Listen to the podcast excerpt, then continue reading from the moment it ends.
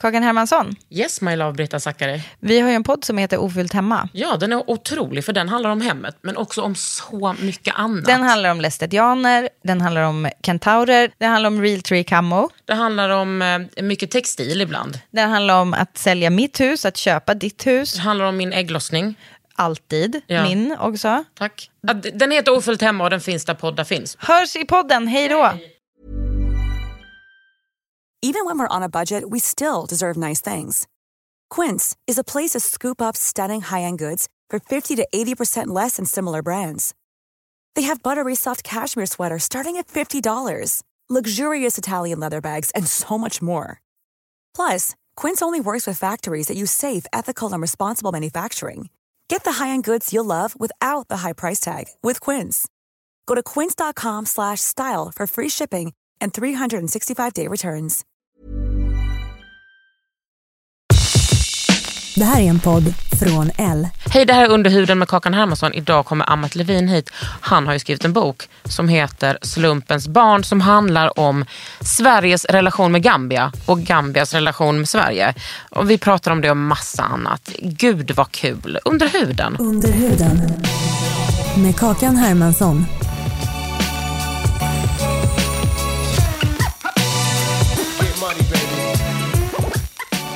Hallå, hur går det med Power Meeting Podcast? Jo då, det är tuffa på. Vi har ju kört i, fan, i över, över fem år. Är det sant? Ja. Vet du att det är den enda killpodden jag någonsin har lyssnat på? Det är jättekul, men det, det tråkiga är att vi, det känns som att vi, det går ju extremt långsamt för oss att få en växande publik. Alltså vi har en stadig publik, men att liksom nå utanför den är supertrögt. Men vad, vad, vad skulle du säga är den generella lys- Alltså hur ser lyssnaren ut på... Alltså jag skulle säga, jag Er tror att vi har flest kvinnliga lyssnare. Är det sant? Ja. Eh, det är min... Av, alltså, det är ju inte en perfekt eh, mätning, men man kan ju kolla på Instagram och se vilka Mhm. som följer en, alltså typ så här statistik. Mm. Och då står det ju så här, könsfördelning och sånt. Och då är det eh, betydligt fler kvinnor än, än män. Och ganska unga, alltså så här, säkert 25-årsåldern. Ja, det är lite alltså- otippat kanske, men... Nej, men jag, det är inte otippat för jag tänker att ni ändå är så... Alltså ni är ingen eh, så typisk... Alltså vänta, vad fan vet jag? Jag har ju aldrig lyssnat på någon killpodd men ni är ändå så här allvarliga. Jag, alltså jag kommer ihåg det första gången Alltså första avsnittet jag lyssnade på med er, då var det som att jag var på landet eh, och eh, typ städade. Och så satt jag på och så lyssnade jag på det avsnittet som handlade typ om metoo. Mm. När John berättade typ om att han har varit med om någonting jobbigt. Och då tänkte jag så här, fan det här är verkligen ett sånt eh, enormt hål som Mm. måste fyllas.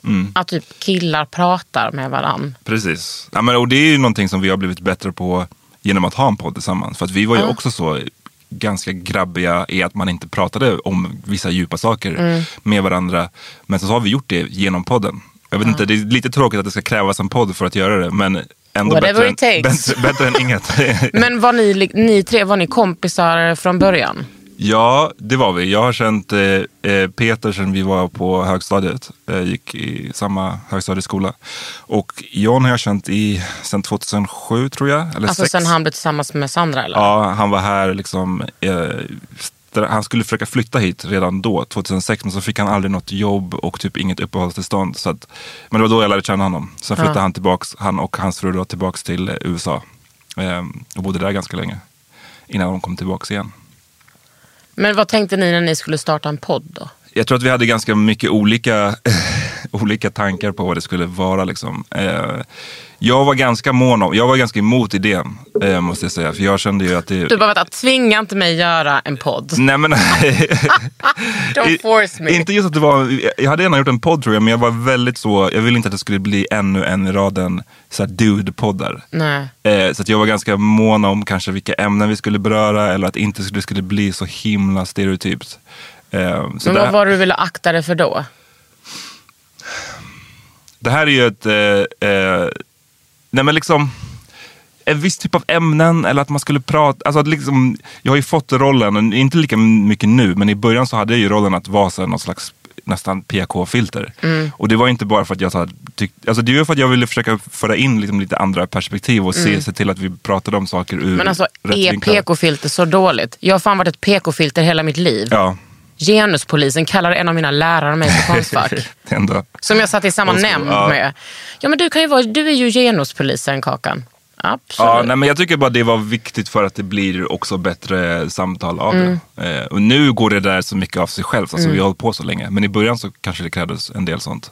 Eh, och jag var ju också den som hade, hade lite poddvana och, och även lite så här intervjuvana. Ifall Mm. vi hade gäster med var det jag som fick sköta det snacket. Eller liksom, jag minns till exempel en gång så, det här jag brukar jag driva med dem om också, när vi hade en gäst, Soraya Hashim, som Ja. du känner kanske. Och Kingen. då det var så rolig, jag tyckte det var så talande för hur eh, skillnaden i våra erfarenheter. Då. För typ de ställde en, någon av dem ställde en fråga till henne.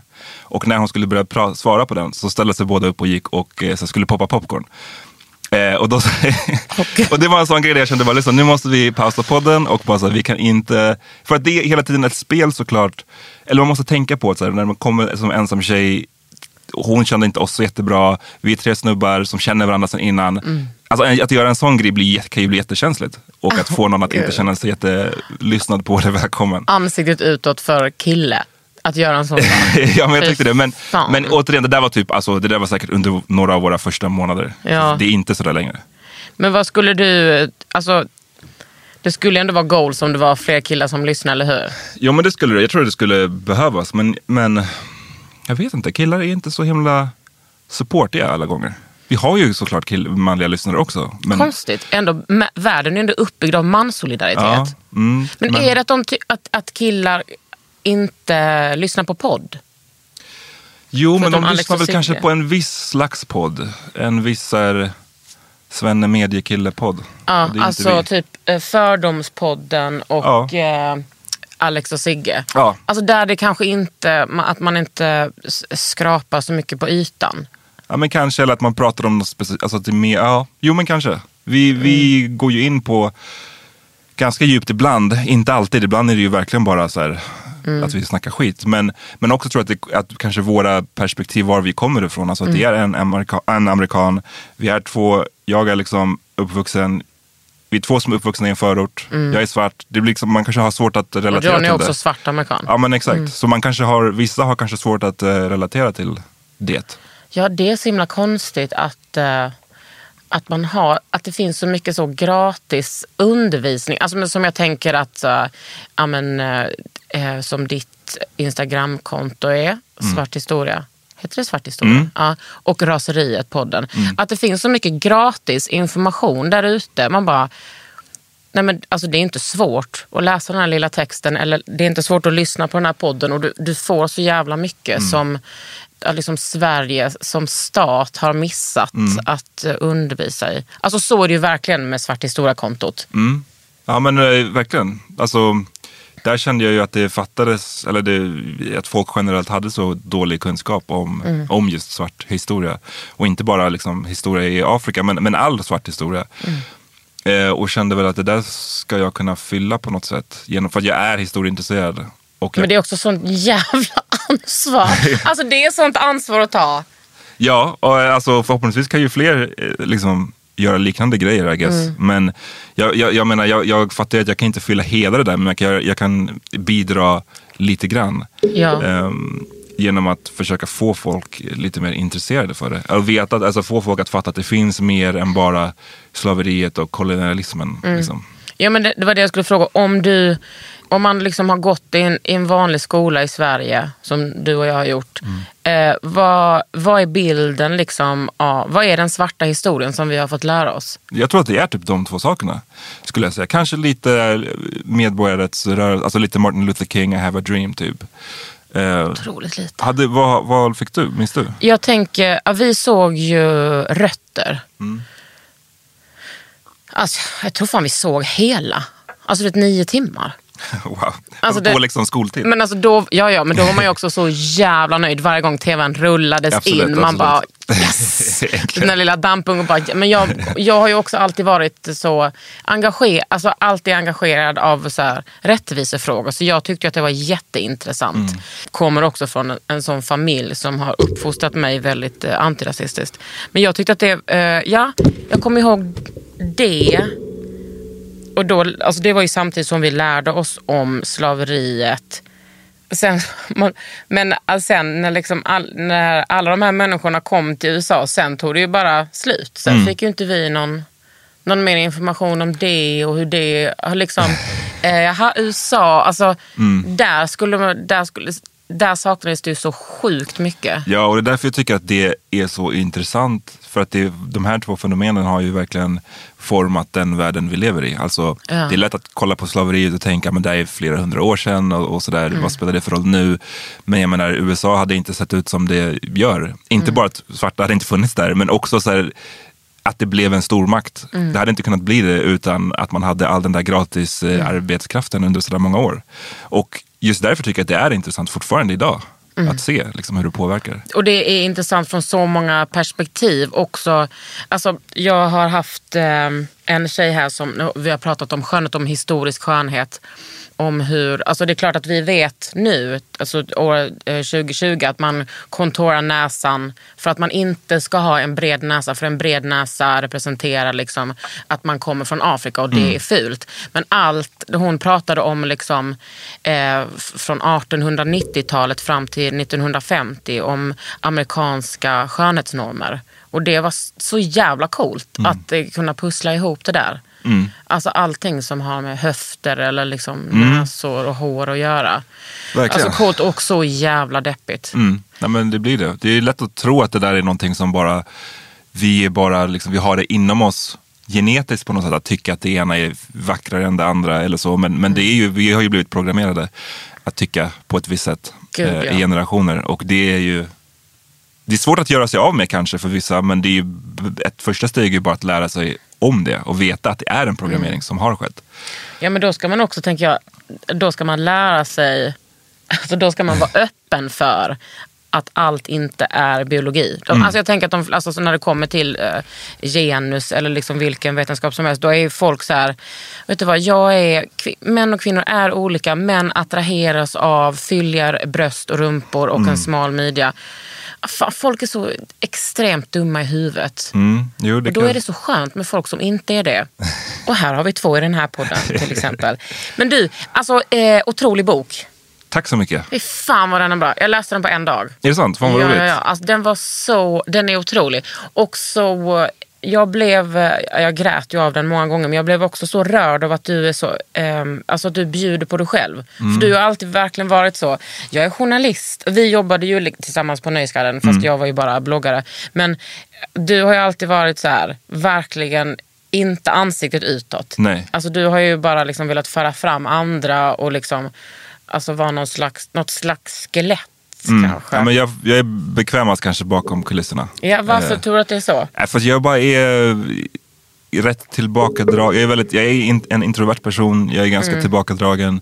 Jag är inte blyg, men jag gillar liksom att bara vara i, lite i bakgrunden oftast. Mm. Ehm, så att därför som journalist är det ju ganska, det som jag hade svårt med när jag, när jag jobbade på typ Nöjesguiden, det var ju typ Mm. när man skulle fronta grejer eller när man skulle vara någon slags, jag vet inte, just ansiktet utåt. Ja. Ehm, men det jag gillar det är just att kunna träffa andra människor och att liksom kunna göra deras berättelser rättvis. Men hur gammal var du när du började på Nöjesguiden? Oh, jag började direkt efter mina journaliststudier. Då var jag kanske 22 skulle jag säga. Och vad gjorde du din eh, journalistutbildning? På Södertörns högskola. Jag pluggade journalistik och religionsvetenskap. Boom! Jag också. Jag pluggade teologi. Jaså? Ja. Okej, vi ska ha en sån podd istället. Av. Ja, nej, Nej, men alltså, jag hoppade Min pappa är teolog. Ja, okej. Jag tänkte att jag skulle bli så feministteolog. Nej, alltså. mm. Vad var det du inte gillade? Men jag pluggade i Lund och det var så konservativt att... Nej men jag gick, vi var, hu, vi var, var vi hundra stycken i klassen. Och där var, alltså det var så många, du vet, från... Låt mig vara fördomsfull. Nej, men det var många typ kanske så frikyrkliga som typ hade kanske bara tittat fram under en sten. Jag kände mig helt... Eh, jag kände inte att någon där kunde... Eh, jag kunde inte identifiera mig med någon alltså, som hade samma eh, feministiska analys som jag, eller samhällsanalys. Och det är rätt typ grundläggande tänker jag när man läser ett sånt ämne. Ja, jo absolut. Liksom, jag läste religionsvetenskap och det, det är ju liksom läran om Mm. religion och hur det funkar och sådär. Men vi hade ju, minns jag, två stycken. En som var lite sådär frikyrklig och en som var konstig bakgrund. Han var brasilianare, jude från Brasilien och som var liksom superövertygad i sin judendom. Och de kunde ju liksom gå Ja, men lite, det kunde, de kunde så ibland hijacka lektionerna och prata om liksom vems gud som var den riktiga. Och man bara, men då har ni missat. vad det, Mm. det är inte det, vi ska inte debattera vems religion som är bäst här. Eh, Han bara, wait and see. ja, men verkligen. Hear me out. Eh, nej, men jag tror att du kanske hade gillat det bättre på typ en sån skola som Södertörn. För den är ju, det, jag vet inte hur det är nu, jag gick ut där för över tio år sedan. Men då så, det kändes ju lite som så här, gymnasiet plus. Precis. Jag gick ju då för nästan 20 år sedan. Och var... Eh, jag gick med folk, alltså det var ju folk som skulle bli lärare, eh, diakonissor, präster, eh, allting. Eller som bara läste det. Men nej, det var inte... Ja, nu blev det som det blev. Det blev ju eh, Det blev bra skitbra. Ja, precis. Ja, men vadå, och sen bara, hur kom du in på Nöjesguiden? Jag började praktisera där. ehm, och jag hade, det var liksom verkligen en olycks, kan man säga. Det, var inte, inte en olyckshändelse, det var bara att det inte var mitt första val. Jag var way för sen, sent ute med mina ansökningar för att de flesta hade redan liksom tillsatt praktikanter. Och s- på den här tiden så var det också som att typ DN och Svenska Dagbladet och alla de här stora tidningarna, de hade någon deal med typ Stockholms universitet. Alltså de tog bara in journaliststudenter från de skolorna. Så snobbigt. Ja, det var ganska snobbigt. Det kanske har förändrats nu, men så var det då. Så att, då hade jag bara så här, fan jag vet inte vad jag ska söka. Jag sökte till Groove, blev antagen. Minns du den tidningen? Så här, Musiktidningen. Ja, ja, ja. ja. Alltså den, den var ganska nördig. Hade Ja. ett fult typsnitt. Ja, precis. Och den var liksom också en sån här gratistidning. Och det var, I guess då, mitt första val. Eh, och där fick jag börja, men sen insåg jag att eh, deras redaktion låg i Göteborg. Och jag bodde i Stockholm och jag hade bara missat att kolla upp det. Eh, och jag hade bara inte råd att liksom åka till Göteborg helt plötsligt. Så jag bara, ah, jag fick tacka nej. Men då så hörde Nöjesguiden av sig och sa att jag får gärna komma dit. Eh, och så var jag där. Men hur var då hörde av nej men sig? alltså jag hade skickat en ansökan dit också. Och vem var chefredaktör då? En som heter Hannes Dyckler eh, som var chefredaktör då. Men Margret Atladottir var ju redaktionschef. Och hon Ah. tog över som chefredaktör tror jag bara en eller två veckor efter att jag hade börjat. Goals. Ja, så det var ju, det var ju jävligt tur. Undrar om det här kommer höras in på podden. Den här borrningen. Du vet vad det är som borras va? Nej, Vad heter han? Jonas Åkerlund. okej. De har ju köpt den kyrkan här bredvid. Ja, Det kan Och- också och- vara, jag vet inte vad de gör. Det kan Nej. också vara att bara alla media håller på att renovera. Det kan lika gärna vara det.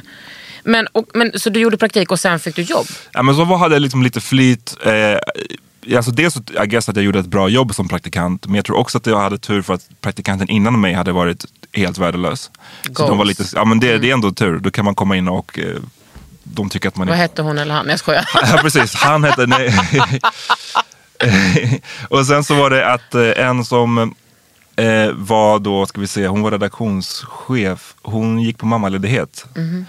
Och då var det som att en, en position öppnades då, strax efter att min praktik var klar. Så då fick jag börja. Inte som redaktionschef direkt, men som någon slags redaktionsassistent kallade de det. Men du fick ändå mycket ansvar direkt. Ja, för det är en sån tidning där man liksom alla gör allt kan Ja. man säga. Ehm, så att där fick man, alltså det var allt ifrån att gå och köpa toalettpapper till att eh, göra intervjuer med ganska stora personer.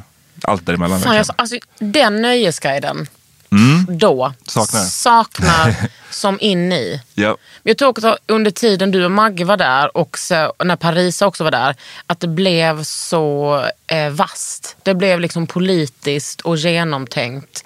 Och att ni tog in så många bra skribenter. Alltså, jag tycker själv att de åren som jag var där och bloggade, det var, liksom mina, det var min bästa bloggtid.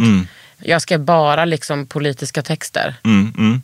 Ja, men precis, och det var ju någonting som var ganska nytt och som inte alla gillade. Att vi började lyfta in lite politik och sånt i, i det Nöjesguiden skrev om. Vissa ville att Nöjesguiden bara skulle vara en nöjestidning.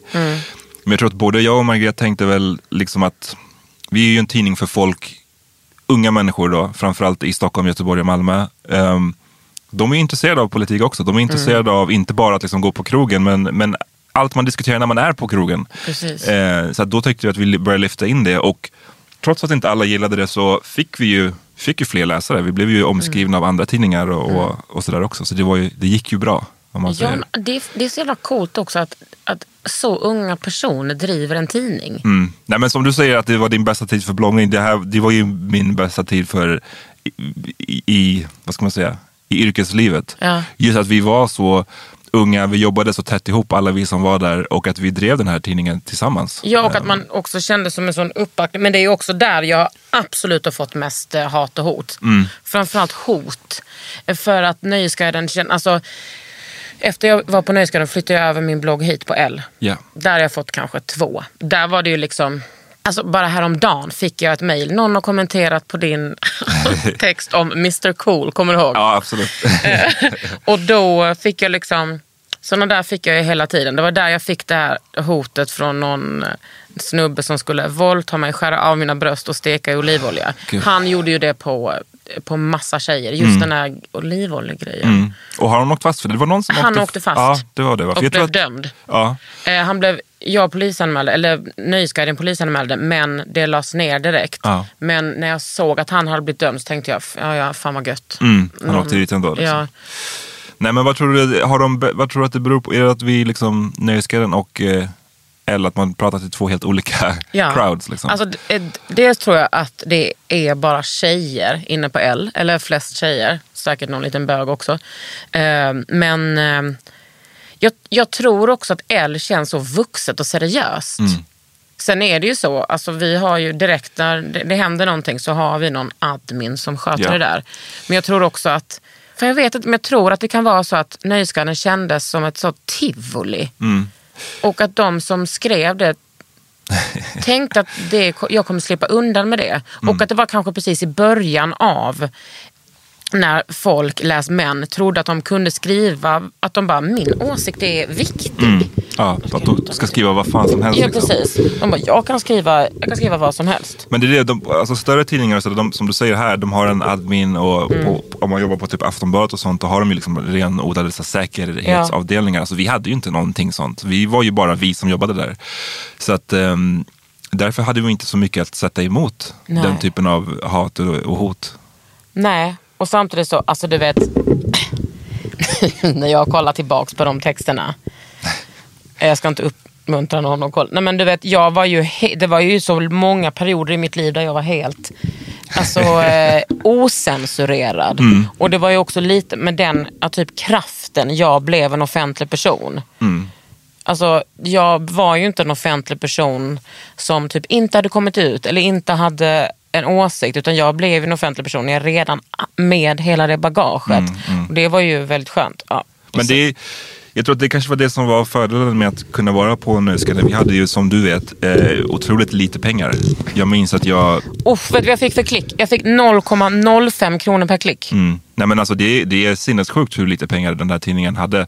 Jag kan inte tala för hur det är nu, men en kamp som jag drev var ju att våra skivrecensenter skulle få sitt arvode fördubblat. Ja. Och då kan man ju tycka att shit, det låter ju mycket att få fördubbla sitt arvode. Men det var, handlade alltså om att få att gå från 100 kronor per recension till 200 kronor per recension. Och jag fick aldrig igenom det. Jag lyckades aldrig. En- Jag höll på med det i typ två år. Så att eh, det var också det som gjorde att jag Menar du slut... 100 kronor på faktura? Ja. Så 50 spänn? Ja. Så att det var också det här som jag tröttnade på att till slut är att det bara, det går, jag orkade liksom inte mm, stånga mig blodig mot den här budgeten. Liksom, som i, i, just för att vi är en gratistidning i en tid där det blir allt svårare och svårare att liksom, sälja annonser.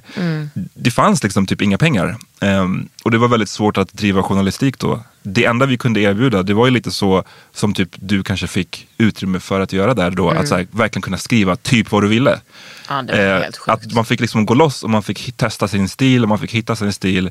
Eh, och man fick göra, alla, i alla fall liksom en del av våra skribenter fick nog göra ganska roliga jobb.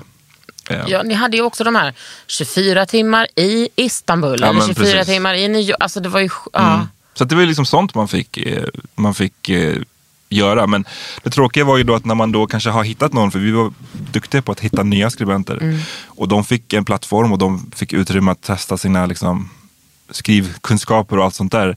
Sen så kommer ju då typ någon annan tidning eh, som har betydligt mer pengar. Och bara fan du verkar ha talang, kom till oss. Då har vi ingenting att sätta emot. Och jag kan ju självklart inte klandra den som går och, och skriver för en riktig lön. Liksom. Nej. Men jag tror att det var också en sån frustration i att så här, fan, man är bara en plantskola till slut. Man kan inte behålla Mm. de här talangerna som man hittar.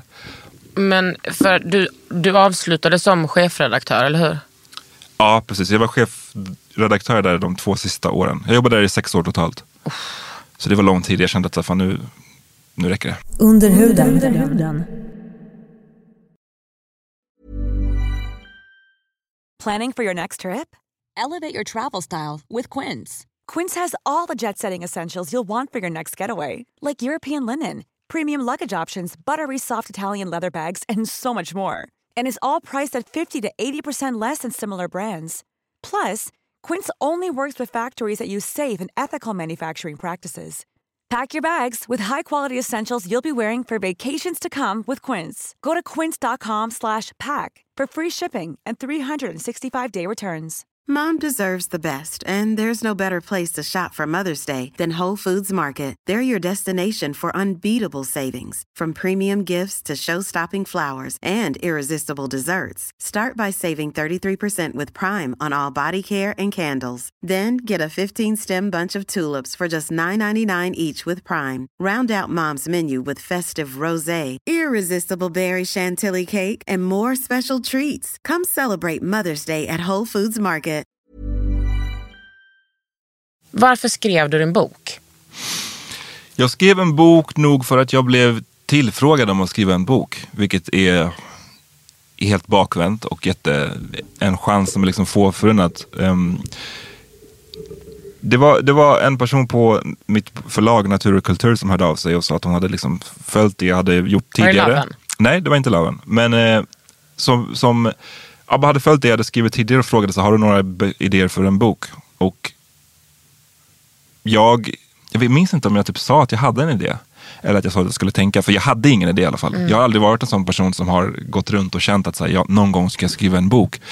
Men jag visste ju att jag kan ju tillräckligt mycket om den här världen för att veta att man får inte det brukar inte gå till på det sättet. Nej. Att förlaget hör av sig. Det är snarare alltid tvärtom. Att man får försöka skicka in färdiga manus och så blir man ratad. Och sen, ja. Så jag tänkte nu måste jag fan komma på en idé. Eh, och då hade den här nog legat i bakhuvudet ett tag ändå. Att jag såklart har funderat, haft alltid en nyfikenhet på Sverige och Gambia. Varför det finns den här kopplingen mellan just Sverige och Gambia. För det är, på pappret så borde den inte finnas. Eh, Gambia är ett sånt litet, litet minimalt land i Västafrika. Eh, Sverige har liksom ingen koppling till andra västafrikanska länder. Så varför just Gambia? Alltså du menar att vi har liksom ingen historisk koppling rent eh, kolonialt? Liksom. Då kolonialt har vi det till exempel i Ghana, men, men jag tänker en, en nutida koppling. Alltså, Man hör ju sällan folk åker på semester till eh, Elfenbenskusten eller till eh, Guinea-Bissau. Och man, det finns inte så många människor därifrån i Sverige. Medan det finns förhållandevis många gambier i Sverige. Ja, så hela mitt liv är fylld av gambier.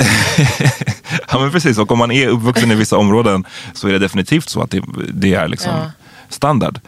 Men din pappa är från Gambia. Mm, han är från Gambia. Vad är hans hu- historia? Hur kom han hit? Han kom hit 1982. Ehm, och det var ju lite andra tider på den här tiden. Jag tror inte att, jag tror att man fortfarande på den tiden inte behövde visum för att Man bara komma kom. hit. Man kom hit bara liksom. S- Om man hade pengar till en biljett. Och eh, han hade träffat min mamma där nere. Eh, och de hade varit vänner under ganska lång tid. Ehm, men sen så kanske väl känt att det var någonting mera och då så kom han hit. Vad gjorde hon där? Ehm, ja du, hon hade ju varit på, hon har ju, hade rest dit flera gånger. Hon åkte dit första gången på 70-talet någon gång. Alltså som Eh, turist? Ja, som turist. Eh, hon hade ju varit runt i, i, i världen på lite olika ställen och känt att så, här, men, okej, Afrika har jag inte varit i förut. Och tänkt, först sa hon att hon hade tänkt åka till Etiopien men sen så var det väl just det här med att redan då på den här tiden så fanns det charterresor till Gambia. Och det verkade ju mycket smidigare. Så då tänkte hon, ja, låt mig testa det. Där har jag liksom aldrig varit. Men ja, så han, han har bott här sedan, sedan dess och jag tror att förutom min den här nyfikenheten jag haft med mig som barn då, varför jag tänkt på varför den här kopplingen finns, så är det nog att eh, jag började se så många svensk-gambier i typ medierna. Alltså allt ifrån politiker som liksom Alice Bah Kuhnke till, till artister som Erik Lundin och Seinabo Bosi och atleter. Det, jag bara, fan det börjar finnas ganska många och jag tänkte det skulle vara kul att försöka intervjua en del av de här och se hur deras eh, erfarenheter liknar mina, om de ens gör det, eller om de skiljer sig åt. Gjorde de det? Men både och. Eh, jag har intervjuat rätt många personer i den här boken. Jag vet inte exakt hur många, men det är säkert närmare 20-30 pers. Och, ehm, Vissa är ju mer djupdykningar och, och andra är Precis. som fragment. Precis, andra är som fragment. Och de intervjuerna från början var ju också väldigt långa. Det är bara att jag har klippt ner dem. Och alla är inte de kända personer. Eh, men det är kul, alltså, vissas berättelser är ju superlika. Jag och Alice Bah Kuhnke hade ju ganska liknande syn på att man inte hade så stark koppling till det gambiska. Men man, hade en, man upplevde att man hade en stark koppling till det svarta. Och liksom den skillnaden där. Eh, det var intressant att se att hon hade tänkt typ prick på samma sätt som jag hade tänkt i den frågan. Men sen så såklart så har jag träffat andra som har en jättestark koppling till det gambiska och åkt dit varje år. Och sådär. Så att det skiljer sig nog ganska mycket beroende på vem man pratar med. Men då, då bestämde du dig för att åka dit också och typ rota i dina rötter lite. Ja, precis. Eh, Jag är ju liksom eh, inte uppvuxen med min farsa. Alltså han har ju alltid funnits i mitt liv. Men vi har inte bott tillsammans. Och eh, jag har träffat honom ganska så sporadiskt. Är han pappa till din brorsa? Nej, vi har olika pappor. Så att vi, har, vi har olika, vi har olika liksom, eller så här, vi har setts bara sporadiskt och därför har vi inte haft så jävla nära koppling under uppväxten. Och jag tror att det är kanske det som har gjort att jag inte då har haft en så stark koppling till just det gambiska. För man går runt och jag är svart och alla säger att man är svart, men jag kan inte prata språket. Det var lång tid, det gick, jag var där som barn, men sen så tog det 26 år innan jag kom tillbaks. Eh, Av massa olika anledningar. Så jag kände att det fanns en del ouppklarade grejer där. Men, eh, växte du upp med ehm, eh, andra svarta som också eh, hade, alltså som var gambier? Mm. Det gjorde jag. Var det liksom gött? Ja men det var, det var, det var gött på ett, på ett sätt, absolut. Alltså, så, att, så att på ett sätt har jag alltid, liksom, vad ska man säga, jag har ju vetat att det finns, jag har känt mig på ett sätt bekväm med det gambiska, på ett sätt. Men sen så liksom, just det här med att känna till sin familjs historia, eller framförallt kanske just språket. För det gör ju någonting, typ när man hälsar på sin farsa och sen så har han kompisar där eller han har andra släktingar till mig där och de kan prata med varandra men man själv förstår inte. Är det Wolof? Ja, Wolof i min familj eh, så pratar de om Wolof. Eh, och det är skitfrustrerande såklart. Men, Eh, Har du va- varit arg på din farsa för det? Eller på din mamma? nej, och definitivt inte på min mamma för att liksom, hon, kan inte, hon har redan gjort mer än vad någon skulle kunna begära vad gäller att så här, lära mig om att jag är svart och att jag kommer på grund av det kanske möta en del skit i, i, i, i det här landet. Eh, men jag menar, hon kan ju inte lära mig om det, hon kan inte lära mig språket till exempel. Eh, utan det är min, var ju på min farsas bord. Eh, jag har nog aldrig känt mig så jättearg på honom. Jag har nog snarare känt en likgiltighet inför våran relation. Jag tror att det var så jag upplevde när jag var yngre. Alltså att så här, ja ja, jag har en farsa som jag inte träffar så ofta. Det är inte mer eller mindre med det liksom. Nej, men jag tänker också att det är också en sån norm. Att man, alltså jag vet inte hur många kompisar jag har som har frånvarande farsor. Ja, ja men oavsett var de är ifrån. Alltså det, är liksom, det, är, det känns som att det är en grövre trauma om man har en frånvarande mamma. Ja men det, kan, det tror jag. Det Att kan det, jag tänka att det känns mer som ett aktivt val. Att man har blivit bortvald. Men sen så vet jag att folk reagerar väldigt olika på det där också, att ha en frånvarande farsa. Så jag har nog varit sådär som du sa, att bara, jag har ganska många kompisar som har haft Mm. farsor som inte har varit där. Min mamma gjorde ett jättebra jobb och jag kände att jag inte saknade en fadersfigur faktiskt. Mm. Men jag har ju, vet ju andra som verkligen har känt att så här, fan, jag blev bortvald eller lämnad eller, och som känner att de har någon slags hål i sig på grund av det. Så jag tror att det beror lite på hur man själv är lagd också. Men när du eh, formulerade liksom den här bokens innehåll. Hade det också att göra med typ en nyfikenhet på din, din och din pappas relation? Nej, inte så jättemycket. För jag tror att jag, kanske var det en försvarsmekanism eller någonting. Men jag intalade mig själv kanske att jag inte var så jävla nyfiken. Eh, och så kommer det in på det här som vi pratade om förut. Att jag är rätt tillbakadragen och privat av Ja. mig. Jag vill inte dela med mig av sådana här ganska känsliga saker. Ehm, så, att från bör- så från början så var det nog fokuset var liksom på att skriva om den här historiska kopplingen. Alltså varför har Sverige och Gambia en koppling överhuvudtaget? Hur kommer det sig? Och sen så den andra grejen var att intervjua andra svensk-gambier om deras upplevelser i det här landet. Ehm, men det var ju en sån feedback som jag fick efter första typ, utkastet på att sagt, fan, vi behöver få in mer av dig i den här boken.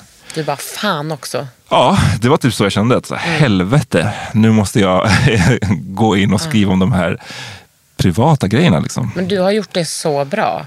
Alltså, du har också gjort det, du har balanserat det så bra också för att du är öppen med att fan det här, det här är inte så kul. Det här känns... eh, eh, ja, men det är, ja, det tycker jag med är alltså, det är läskigt. ja, nej, men det är vidrigt. Så gräva i det där. Det är vidrigt. Och, eh, jag tror att min redaktör då, som Löven, eh, hon, jag tror att det var hon som sa det till mig, att man, de flesta skriver om sina föräldrar och sånt när de har gått bort.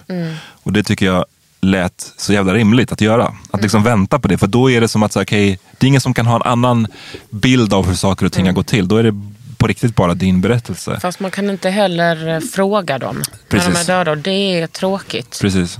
Jag, Men- jag skrev också eh, en bok som, vad heter den, Hela, eh, hela kakan. Mm. Absolut inte hela kakan. Otroligt lite kaka. Alltså man, man kan ju inte vara helt... Nej, men då, då intervjuade jag också mina föräldrar och alltså, det var så mycket som kom upp. Mm. Alltså det var verkligen, det blev så intimt, speciellt med min mamma. Och jag fick liksom reda på saker om min familj och släkt som jag aldrig har vetat, som jag absolut inte skrev om. Nej, för att det precis. var eh, för känsligt. Någon måtta får det vara. Liksom. Ja men alltså också för det är också så större, ska jag liksom outa, typ, vara en offentlig person och outa min släkt? Det går ju inte. Men Nej. hur gjorde du avvägningen i, när det kom till din alltså, relation med pappa, vad du skulle skriva och inte?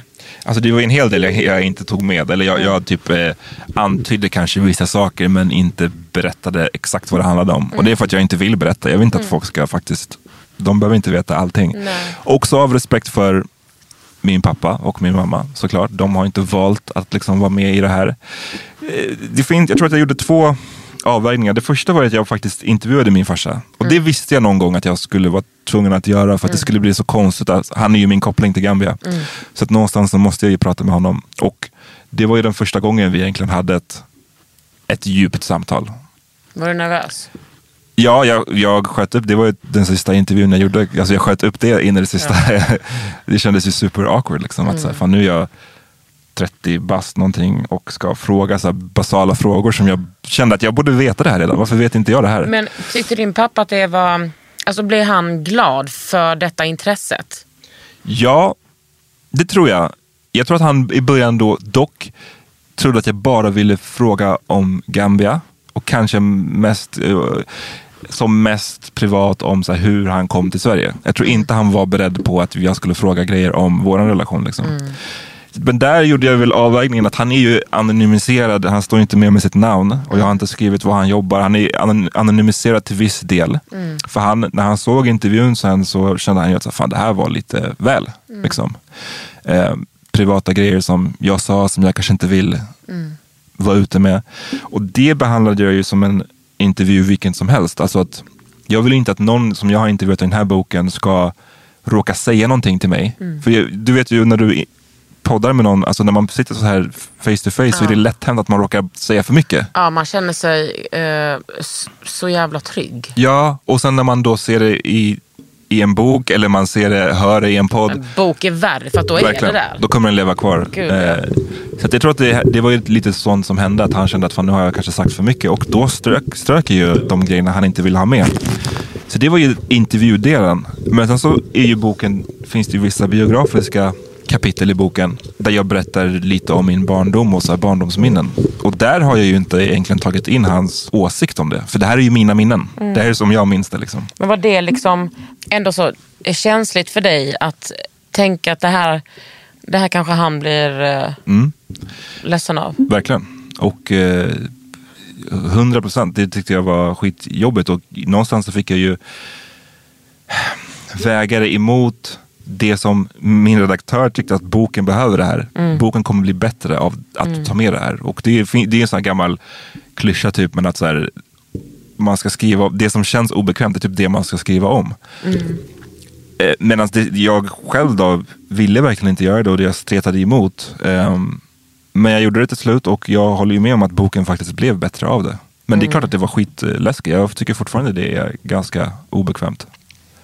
Men jag undrar så mycket om hur, hur er relation har utvecklats. Ja, ehm, det, den har ju utvecklats på så sätt att vi har, han, sen jag fick min egen son då, så har ju de fått en, en fin kontakt. Liksom. Och det har ju varit någon sån, eh, vad ska man säga, jag har tänkt hela tiden att han, min son och han kanske kan ha en lite mer traditionell farfar barnbarnsrelation än vad jag och min pappa hade.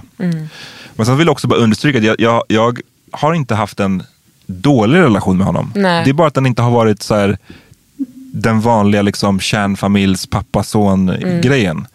Vill- jag, jag, jag, jag har varit gan- jag vill, jag vet inte, ganska mån om att man ändå ska veta om det. Att han inte har varit liksom dålig. Det är bara att det inte har varit... Men känner du också att du, måste, att du måste ta ansvar för att berätta det också för att vi lever i ett sånt rasistiskt land. Att han inte, du inte vill att folk ska tänka att han är så den dåliga svarta mannen. Mm. Ja, nej, men jag tror att jag, jag har sett det. Om jag har gjort typ intervjuer eller jag har sett så här, eh, jag läste någon, någon, en- någon recension av min bok och så där. Då stod det att eh, jag hade en pappa som hade försvunnit ur mitt liv. Och det tyckte jag så här, fast det har han inte gjort. Och det har Då inte har heller... man ju inte läst boken ordentligt. Då har man inte läst boken ordentligt. Och, eh, för jag, jag, jag skriver att, jag minns faktiskt exakt hur jag skrev. Jag skrev att han försvann ur mitt liv innan jag var född. Och så säger jag att nej, det är en överdrift för han kom tillbaks Ja. sen. Alltså innan, egentligen, jag tror att han kom tillbaks när jag kanske var ett år Mm. eller någonting. Och sen dess har han varit där. Var det en vit eh, recensent? Eh, ja, Eh, det var det. Så att- Outa, nej jag skojar. Nej, men så jag tror det är just därför jag, jag har nästan en sån, jag känner att jag behöver kanske göra Ja. en sån disclaimer. Jag tänkte att jag skriver ju i boken, det är tydligt tycker jag om man läser boken, hur vår relation har varit. Ja, Men, du tog tuben dit och, eller vadå? ja, Alltså, precis, ja. men ändå så kanske folk tar den där meningen och springer med den och bara, ah, han har haft en, en deadbeat där som aldrig har varit där. Och det stämmer inte.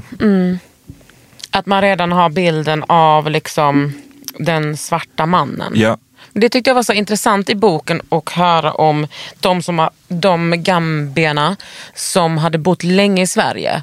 Som pratade om eh, rasismen då och nu. Att det var liksom så mycket värre nu. Och att då var folk inte så rasistiska utan mer nyfikna.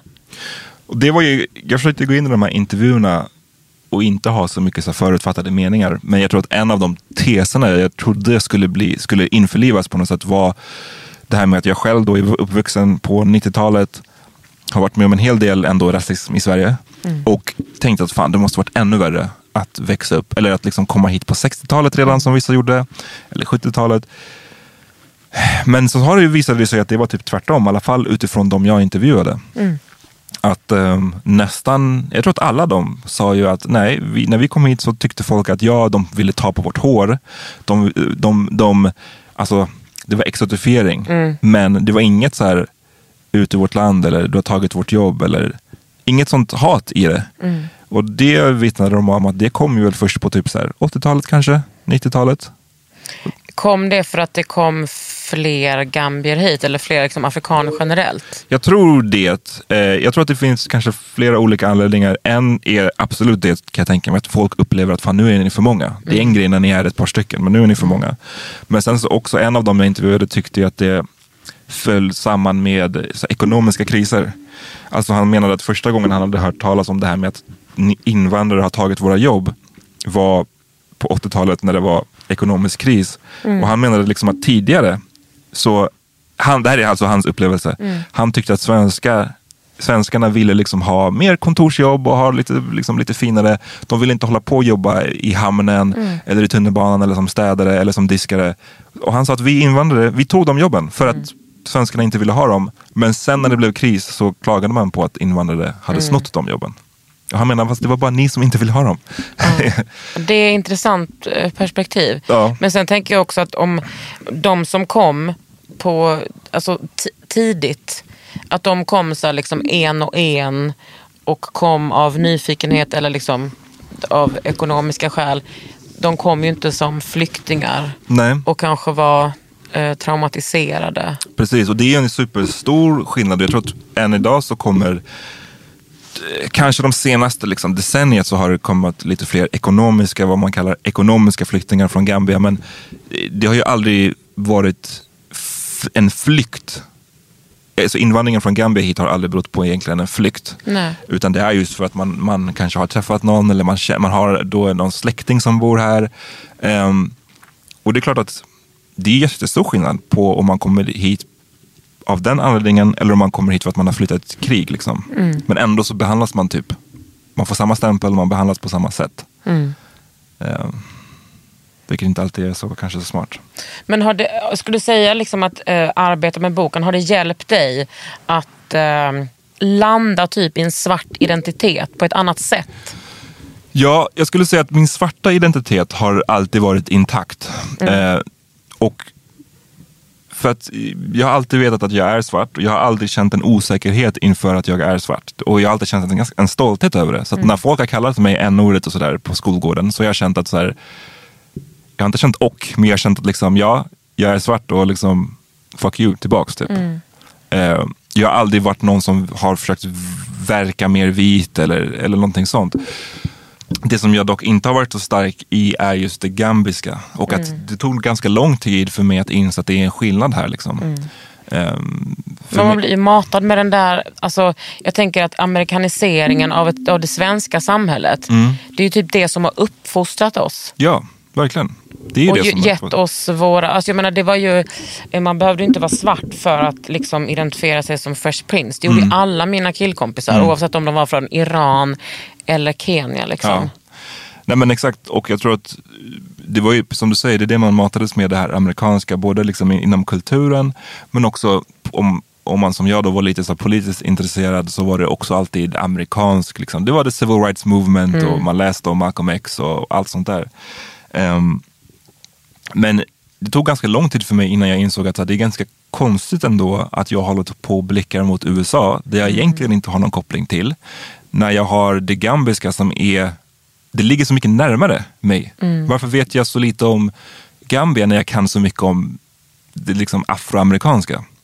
Eh, och det kände jag väl att det här vill jag rätta till. Och har ju gjort det till stor del i arbetet med den här boken. Jag kom ju, i boken får man ju följa med mig på min resa dit för första gången på nästan tre decennier. Liksom. Uff, det var stark tobak. Det var, Åh, när du träffade din kusin. mm, det, Är ni fortfarande lika? Ja, det är vi lika. Uh, vi är lika. Han är lite kortare bara, lite, lite eh, slankare. Men vi är ganska... Han är inte så krallig som jag. Nej, precis.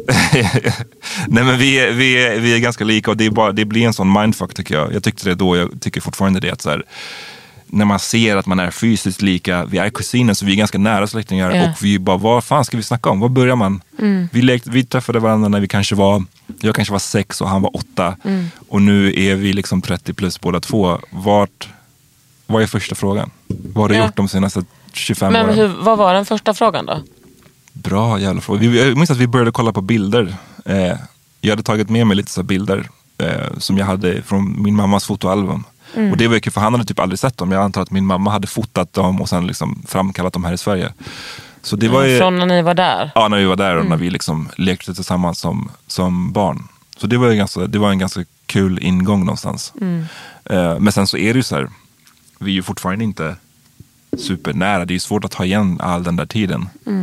Eh, men det var super, super, super värdefullt för mig att få kunna komma dit och börja reparera vissa av de här banden. Liksom. Och min plan är väl att för mina barn sen så ska det inte behöva vara så komplicerat. Alltså det här det gambiska. Det ska komma ganska naturligt.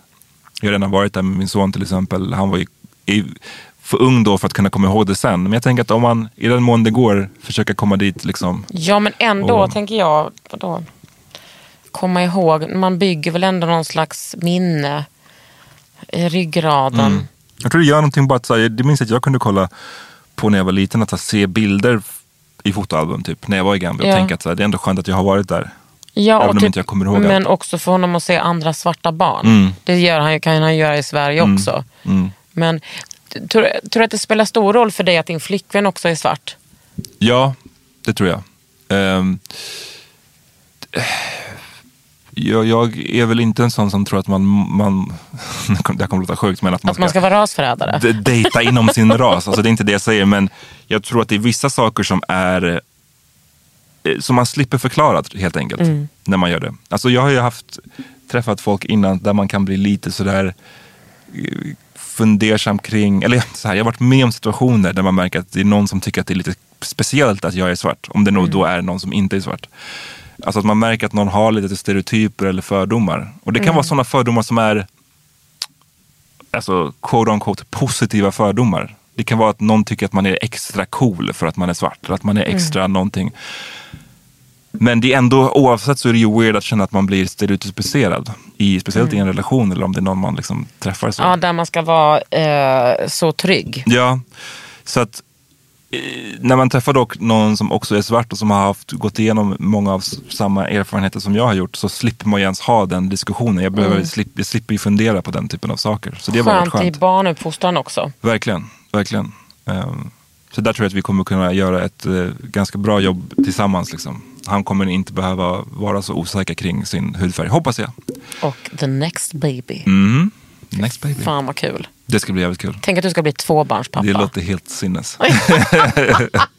jag kan liksom inte, jag vet inte, det är svårt att se sig själv som det på något sätt.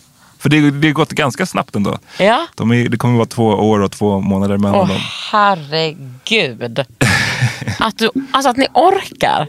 Ja, jag vet inte, jag vet inte vad, jag, vad jag har att vänta mig riktigt än. Jag har frågat folk, eh, men alla säger så olika saker. Det är inte sömn du har att vänta dig. Nej, det, uff, nej, det vet jag alltså. Jag tycker samtidigt är det bättre att kanske att bara Köra på. köra på istället för att här, när, när den första är fem, att då trycka på reset-knappen och ha ett nytt. Gör er grej Amat. Mm. Jättekul. Men du, vad, eh, vad, vad, vad har du för planer med svart historia? Bara att, I guess, fortsätta. Jag vet inte. Återigen, det här är kanske min ent- dåliga entreprenörsanda. Eh, Jag, jag, är så här, jag vet inte hur man ska ta saker framåt alla gånger. Annat. Alltså, det här är ju ingenting som jag tjänar några som helst pengar på. Eller så. Nej. Och jag, för mig har det aldrig heller varit motivationen. Eh, Jag har snarare förlorat pengar genom att så här, lägga ner arbetstid och bygga en sajt och, och sånt där. Men ehm, det skulle vara... Jag är bara så förvånad över att det är så många som följer det för det första. Hur det, många följare har du? Du är det nästan 21 000 pers. Och jag trodde det skulle vara 200 pers. Nej, men alltså, Mm. jag, jag trodde det skulle vara så få som skulle vara intresserade av det här. Och som skulle orka läsa Nej, liksom, det är så historia på Instagram. otroligt eh, välformulerat och så, det är så intressanta vinklar. Jag älskar när du lägger upp grejer där. Tack så mycket. Och det, är kul att sprida det. Nej, men, det är men det är också knas att vi inte vet det. Mm. Nej, men Att det man kan så. mycket om Gustav Vasa. Liksom. ja men verkligen, det är väldigt mycket fokus på, på svenska kungar och I get it, de försöker, man motiverar det oftast genom någon slags närhetsprincip. Att liksom vi, klart att vi ska fokusera på svensk historia. Men då försöker jag ju också ibland lyfta just vad Sverige har för historia i, låt säga Afrika. För det fin- den finns och den tycker jag är konstigt att här, vi inte har. Varför har vi aldrig fått lära oss om att här, Sverige hade ett slavfort i Ghana? Liksom? Det är någonting man inte vet. så sjukt. Och istället matas man med den här bilden av att Sverige alltid har stått bortom den där typen av saker. Men att vi alltid har varit neutrala. Ja, och den stämmer inte alls. Gud, Så- nej, men det, lärde, ja, men det kommer jag ihåg alltså, på gymnasiet. Då var det ju fortfarande snack om neutralitet. Mm. Och det här är ju liksom, jag gick, tog ju studenten 2000. Mm. Att, att man liksom, Fortfarande. ja, det är ju helt galet. Och, ja. Men kan inte det bli en bok då? Jo, det har jag faktiskt haft lite tankar på. Nu, Ehm, entreprenören, han nu. har vaknat. Tack. Han är Tack här. Nej, men jag tror att ehm, det beror ju liksom på. Jag, jag, har, jag har haft en sån lös tanke om att man skulle kunna sammanställa det där till en bok. Men allt det där beror lite på också hur den här första boken går, I guess. Mm. Ehm, och så. Köp den. Slumpens barn. Slumpens barn heter det, ja. Det skulle jag bli skitglad av om folk köper. Det är, ändå, det är tre års eh, arbete och det är skitkul att få höra andras åsikter om den. För att det är så länge...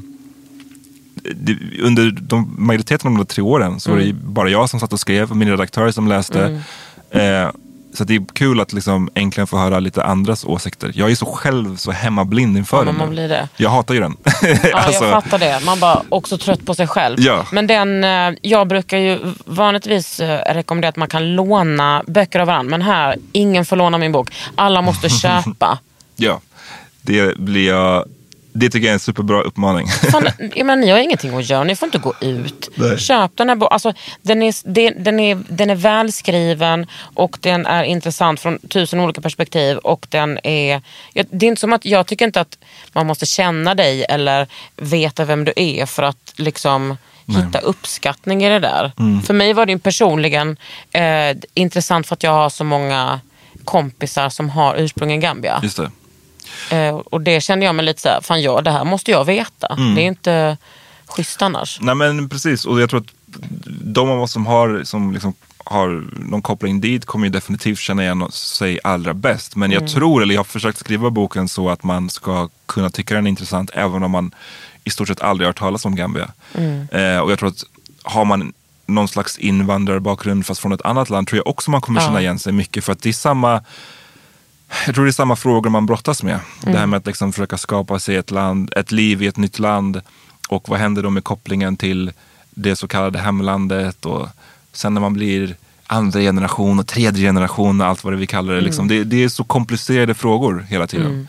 Speciellt också nu i liksom de här eh, bruna, Mm.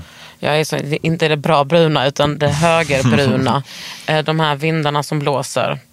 Ja, nej det är, det är kaos. Jag tror att det är lite, jag tror att um, att lära sig mer, det kanske också låter lite klyschigt, men att liksom lära sig mer om folks bakgrunder. Alltså Det tror jag verkligen är en av nyckeln till att så här, förstå sig på varandra mer. Jag hade jättegärna läst en liknande bok fast om någon skrev fast om typ kurder eller folk som kommer från Ja. Finland eller Chile eller vad fan det Du, vet handlar vad, om. du kan lyssna på ett Under huden med Victoria Rixer Mm. som har skrivit en bok om och sin pappa och liksom Finland. Mm. Och som eh, hon har en podd om finnar också. Hon, hon Okej. har inte lärt sig finska. Men det, ja, jag tycker det är, är det är så jävla lyxigt liksom bara att få att ta till sig den här kunskapen. och jag tänker framförallt när det handlar om, om svarta människor och speciellt svarta män. Att bild, det finns en bild av den svarta mannen. Ja. Och snälla, nej men utbilda er. Ja, den stöter man ju på liksom. Den finns och den är svår att förändra. Mm. Ehm, Och det är ju liksom inte eh, någon svart mans ansvar att förändra utan det är din egen. Mm. You white girl som lyssnar på den här podden. Det är inte mer med det. Sen tänker jag kanske inte eh, just eh, de som lyssnar på min podd man ska skälla på, men ändå nej, lite. Nej, kanske. Ja, kanske finns lite. en annan, vem Ja. vet? Jo, men de ska ändå, de ska, vi ska ha vårt alltså. Du, eh, tack för att du eh, kom hit och delade med dig av det här. Tack så För att jag vågade först inte fråga om, alltså, om du ville komma hit. Var- Alltså jag skrev en gång på Instagram, sen tog jag bort det. Gjorde du? Så jag tänkte, fan du vill aldrig komma till min podd. Varför inte? Nej men jag vet inte. Men nu är jag så glad för att du har varit Det, här. det var jätte, jätteroligt. Eh, Eller hur? Jag är glad att jag kom hit. Verkligen. Jag är så glad för det. Du har lyssnat på Under huden med mig, Kakan Hermansson och Amat Levin. Du har lyssnat på Under huden med Kakan Hermansson. En podd från L.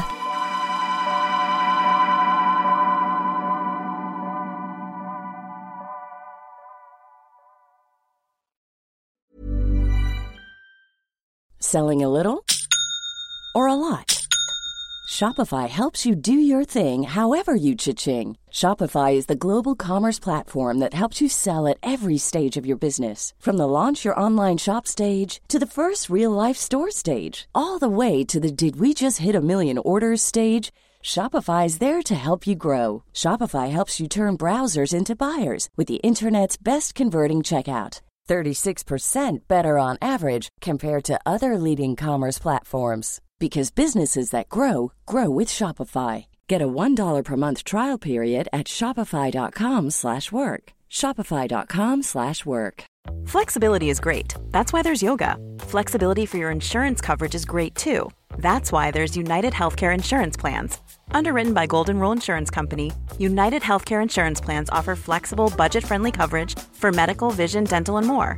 One of these plans may be right for you if you're, say, between jobs, coming off your parents' plan, turning a side hustle into a full hustle, or even missed open enrollment. Want more flexibility? Find out more about United Healthcare Insurance Plans at uh1.com.